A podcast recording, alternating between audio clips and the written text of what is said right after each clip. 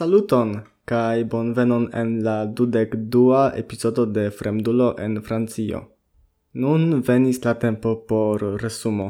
Kai mi longe pensis kiel mi povus resumi mian parizmadon, sed eble unue mi rakontu al vi kiel mi revenis al Pollando finfine. Mia flugo estis la sepan de februaro, Komence la flugo devis esti vespere, poste oni ŝanĝis la horon al la naŭa, Mi preferus vesperon, sed bone, ne gravas.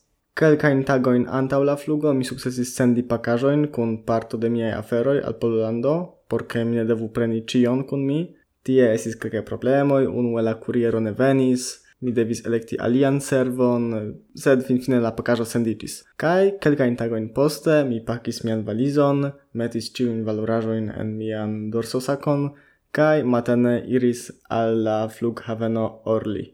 Mi neniam antaŭe estis en tiu flughaveno, sed iel mi sukcesis atingi ĝin per metro kaj tramo, kaj tie mi aŭdis por la unua fojo ekde longa, longa tempo la polan lingvon de nekonatoj.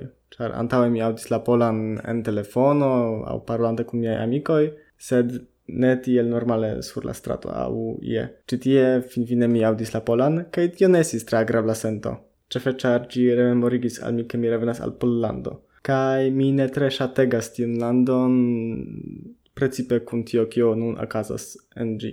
Sed la flugo iris tre bone, mi surteriris en Varsovio, kai tie acceptis min miai du amikinoi, kai ni iris tagmangi ce McDonald's. Kial ne? Nu, fakte ne vere, ĉar nun oni ne povas mangi ene, do ni prenis la manĝon kaj mangis gin en la auto.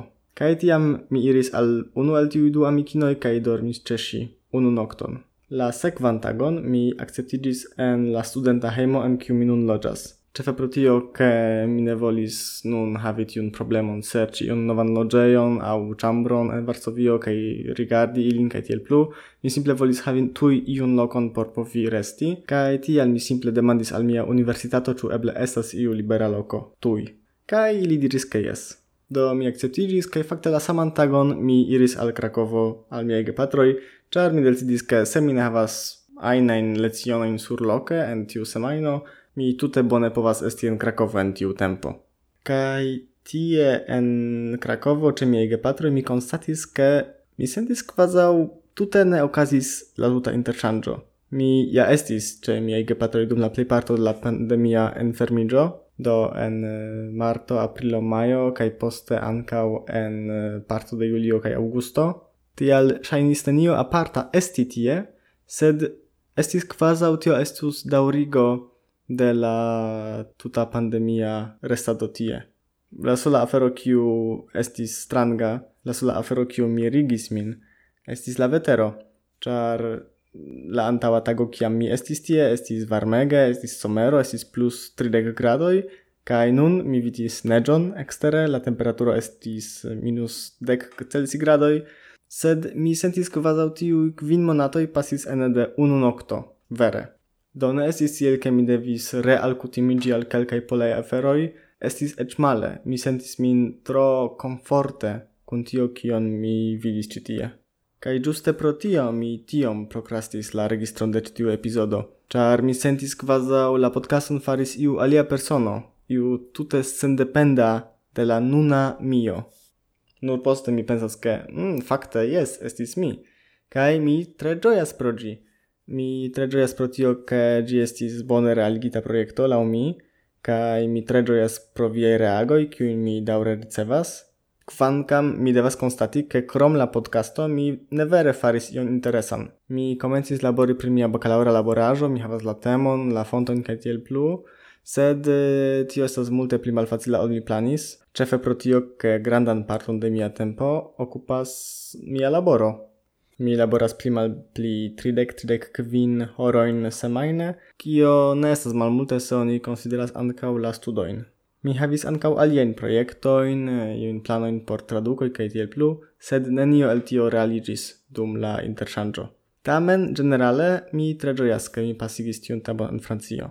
Mi sentas iun personan evoluon, eble pro la fremda lando, eble pro la socia izoliĝo, mi pensas ke tamen pro la izoliĝo, kaj mi nek diras, nek pensas, che mi ec comprenis cion, che mi ec comprenis kio gravas en la vivo, che mi ec comprenis kion mi volas fari en mia vivo, sed simple mi sentas che mi estas pli certa, kai che mia esto havas pli da senso nun.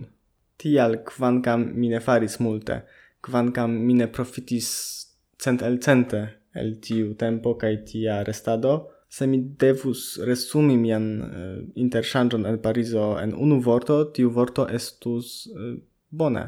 La interchangio estis bona. La tempo, kiun mi pasigis, estis bona. Nun mi bezonas iom da pauzo de la podcastado. Nu, la pauzo fakte jam daŭras ekde mia reveno al Pollando, sed eh, ĝi uh, daŭros ankoraŭ iom kaj en printempo mi volus fari ion novan. Estas nur teknika afero, ĉu ĝi estu tute nova podcasto aŭ ĉu alinomigo de tiu ĉi kaj nova serio Ciu okaze vi scios. Tial restu sanaj kai mi invitas vin sekvi la novaĵojn ĉi tie. De tempo al tempo. Dankon pro la tuta vojaĝo. Dankon pro la tuta sperto. Eĉ se en la podcasto ĝi estis iom unuflanka, do mi parolis vi aŭskultis, sed mi tre aprezas la facton che io ausculti gin kai che quelcae esprimas sian volon plu ausculti mian babiladon. Corafo Dancon, kaj gis la reaudo.